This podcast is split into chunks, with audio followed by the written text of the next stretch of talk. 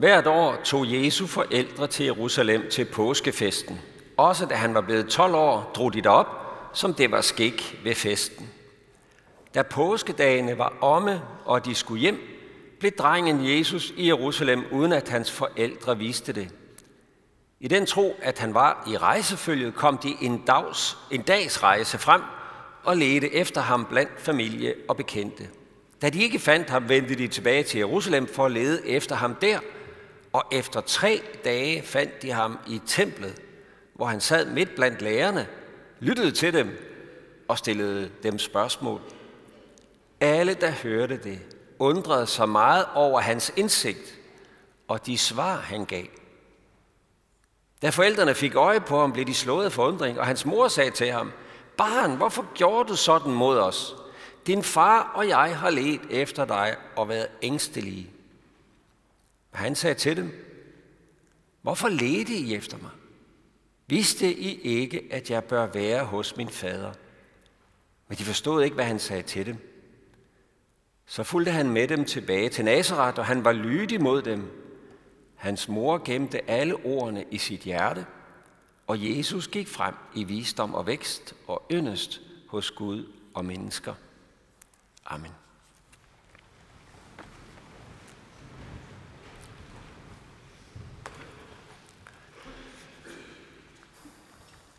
Hvorfor ledte I efter mig?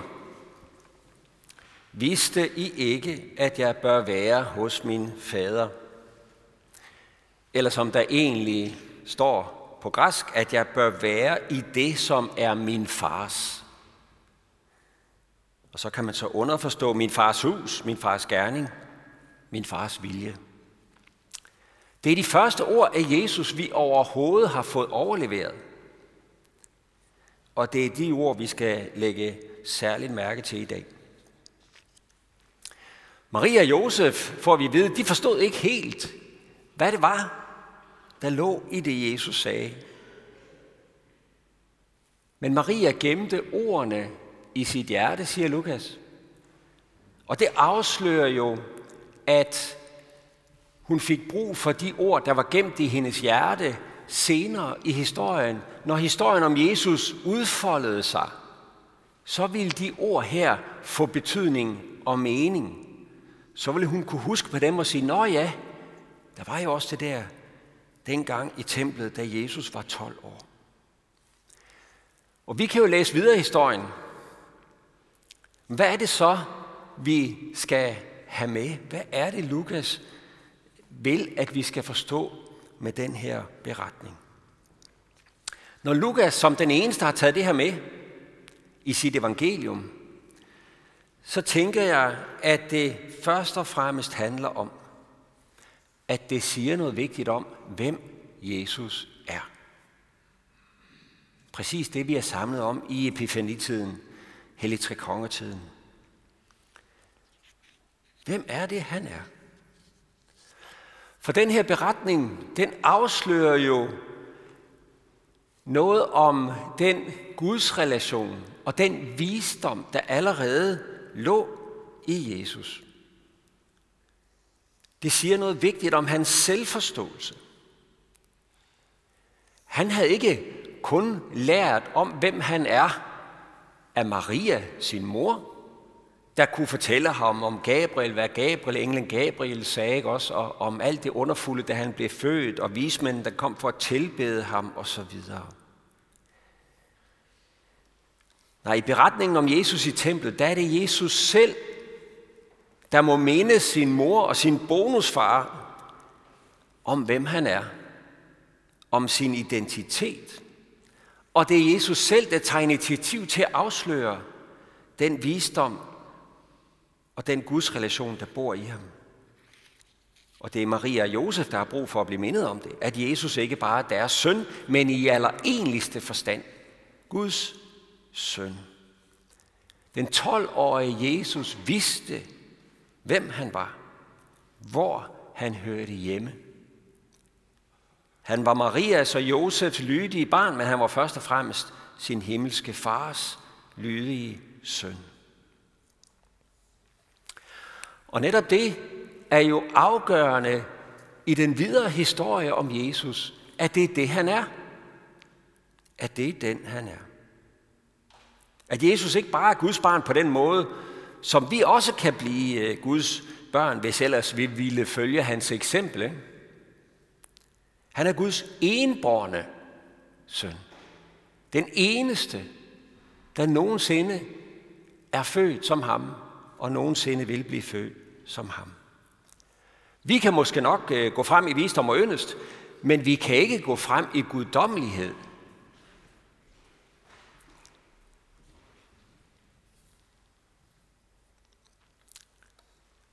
Det vi kan, det er, at vi kan blive frelst ud af den her verdens undergang. Gennem Jesus. Fordi Gud i ham blev en af os. Fordi Gud i og med Jesus blev både Guds visdom, Guds ypperste præst, Guds offer og Guds tempel i virkeligheden for os. Og det er jo også her, det måske kan blive lidt svært for os at jonglere med, hvad der er, det egentlig foregår, øh, og hvad der er på spil der i templet, da Jesus bare var 12 år gammel. Han er til konfirmandforberedelse inde i templet, som man jo skulle dengang ved 12 års alderen, så man kunne blive konfirmeret som 13-årig, som bare mitzvah. Og på den anden side, så er det det nye tempel, der står foran lærerne der inde i templet. Måske kan vi få øje på det i den måde, Lukas beskriver forholdet mellem lærerne og Jesus. Jeg ved ikke, om I lagde mærke til det. Prøv en gang at høre. Altså Maria og Josef fandt ham i templet, hvor han sad midt blandt lærerne, lyttede til dem og stillede spørgsmål. Så langt, så godt. Jesus modtog undervisning, og han lyttede til sine lærere og stillede dem spørgsmål. De er i centrum. De er autoriteterne. Jesus lytter som en god konfirmand. Og så næste sætning. Så er der sket et skifte i myndighed og autoritet. For Lukas fortsætter sådan her. Alle, der hørte det, undrede sig meget over hans indsigt og de svar, han gav.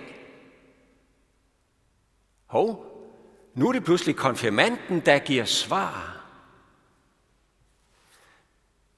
Nu blev Jesus centrummet i Guds tempel.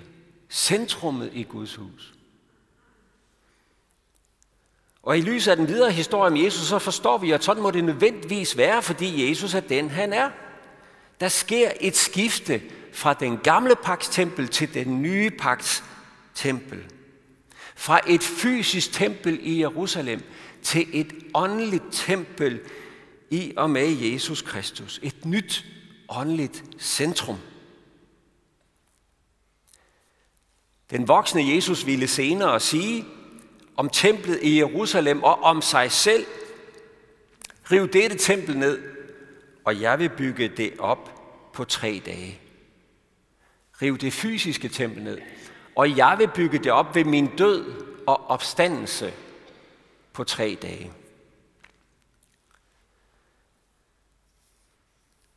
For det fysiske tempel inde i Jerusalem, det var ganske vist den gamle pagts åndelige centrum, et enestående sted for Guds nærvær.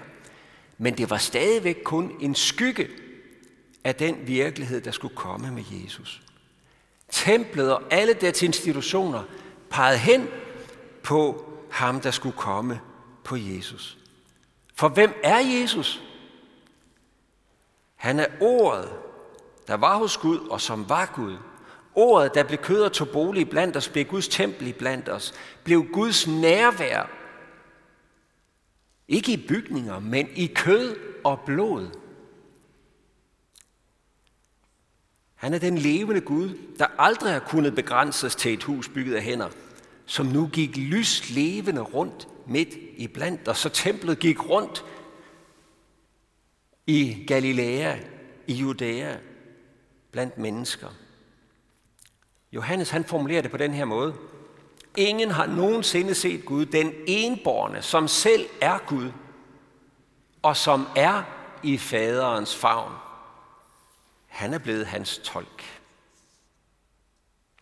Så den dag der inde i templet, da Jesus var 12 år gammel, der mødes skygge og virkelighed. Og der er en stafet, der bliver overdraget til Jesus, sådan mellem linjerne i det, vi læser. Der er en stafet, der bliver givet videre til den rette ejermand i det små. Og derfor er templets dage jo også talte.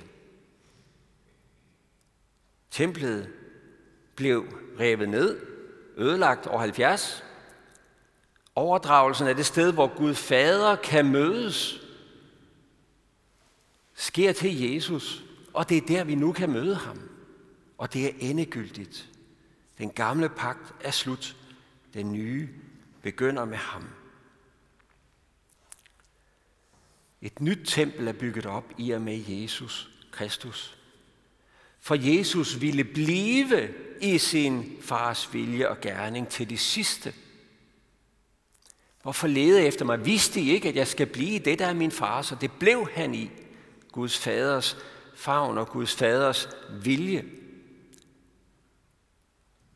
Og det var jo, at han skulle blive det sande Guds offerlam, der bærer verdens synd og skaffer evig forsoning og direkte adgang for syndige og fortabte mennesker ind i Guds faderfag. Det er det, der er på spil mellem linjerne her, og som bliver pakket ud i den videre historie om Jesus. Og her er det jo så, at Jesus som Guds lydige søn, der i templet, der vil blive det, der er hans fars, alligevel bliver et eksempel for os til efterfølgelse, et forbillede for os. Hvorfor leder I efter mig? Vidste I ikke, at jeg bør være hos min far? At være hos vores far, det er jo selve det, frelsen handler om. Det er, at vi bliver inviteret ind i et fader-søn-forhold til den levende Gud i og med Jesu Kristi død og opstandelse ved dåb og tro. Der er vi i Kristus og bliver sat ind i et sønneforhold. I et barneforhold til Gud Fader. Ind i det forhold, Jesus har med sin far. For frelsen handler om, at Gud vil have os som sine kære børn. Han vil være der, hvor vi er, og vi skal være, hvor han er. Og han vil elske os, som han elsker sin enborne søn. Hvordan kan vi så være hos vores far? Hvordan finder vi døren ind til det nye tempel, når det ikke er et geografisk, fysisk tempel? Hvordan finder vi ind i faderens, det som er faderens, i faderens favn? Vi forstår, at Jesus er det nye åndelige centrum, hvor faderen giver sig til kende, men hvordan i praksis? Hvor kan vi finde Jesus, når vi synes, han er blevet væk for os?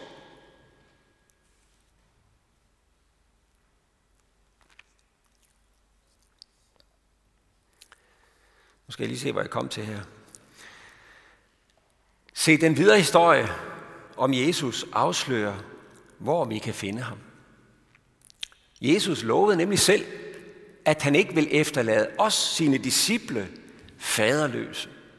Han ville sende sin ånd og tage bolig hos os. Det er pinsens store under. Og Jesus formulerer det faktisk sådan her. Den, der elsker mig, vil holde fast ved mit ord. Og min fader vil elske ham, og vi skal komme til ham og tage bolig hos ham.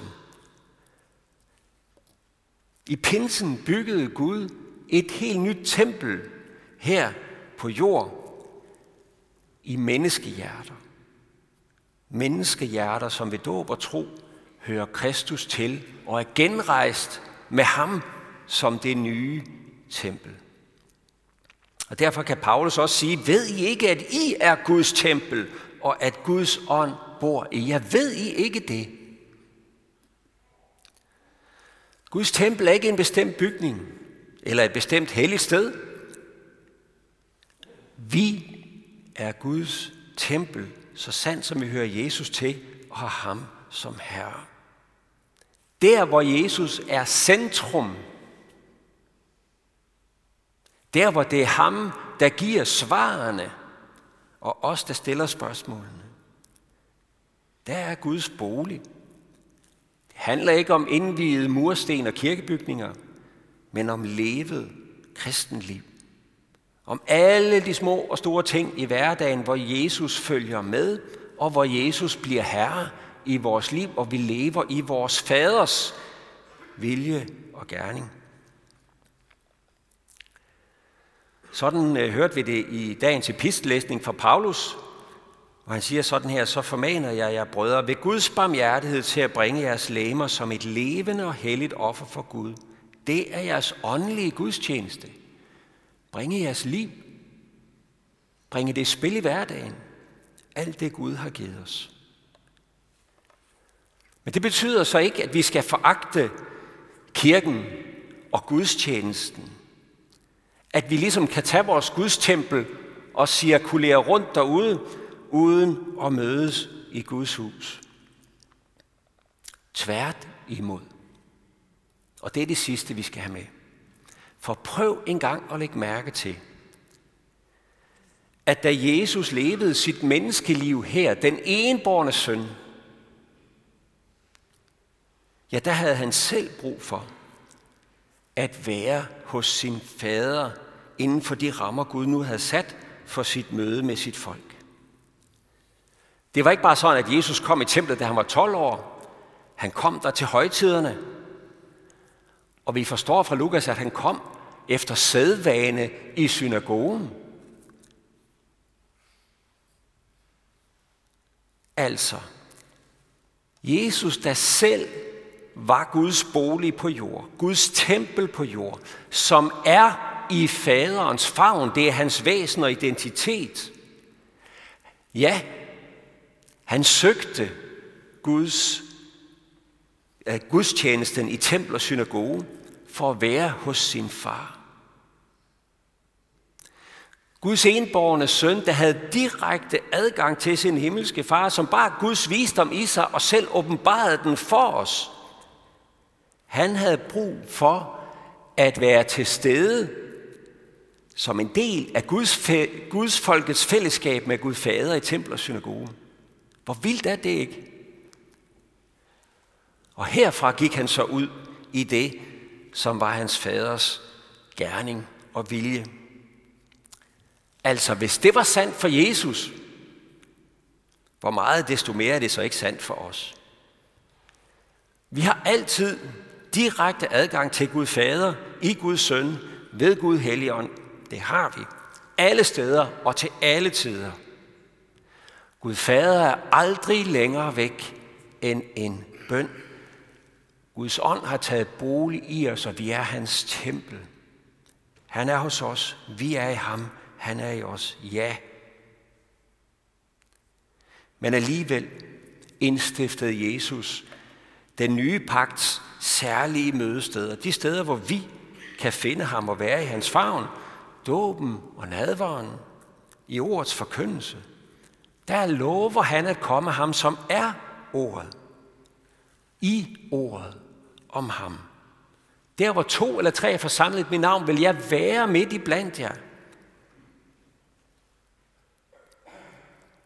Han vil tage bolig hos os, så vi bliver hans tempel fyldt af hans ånd. Hvis Gud bliver væk for dig, så svarer den 12-årige Jesus dig i dag og siger, hvorfor ledte du efter mig? Du ved jo, hvor du kan finde mig. Der, hvor Gud har sat sit folk stævne i Guds tjeneste. Og det ville jo heller ikke være helt dårligt, hvis det kunne siges om os. At vi vil være at finde i det, som er vores fars, i hans hus, i hans vilje, i hans gerning. At man ikke skal gå og lede i tre dage for at finde os der, for det er selvfølgelig der, vi er og hører hjemme. Vi vil være at finde der, hvor Jesus har lovet at møde os i ord og sakramente i det kristne fællesskab. Der, hvor Guds ånd kan røre ved os og tage bolig hos os, så vi kan blive bevidste om, hvem vi er i Jesus Kristus, nemlig Guds elskede børn i faderens favn. Og så vi kan gå ud i hverdagen og være og blive i det, der er faderens vilje og gerning for vores liv. I faderens favn, i dag, i morgen og i al evighed. Lov og tak og ære Vær dig, hvor Gud, Fader, Søn og Helligånd, du som var, er og bliver. En sand treenig Gud, højlovet fra første begyndelse, nu og i al evighed. Amen.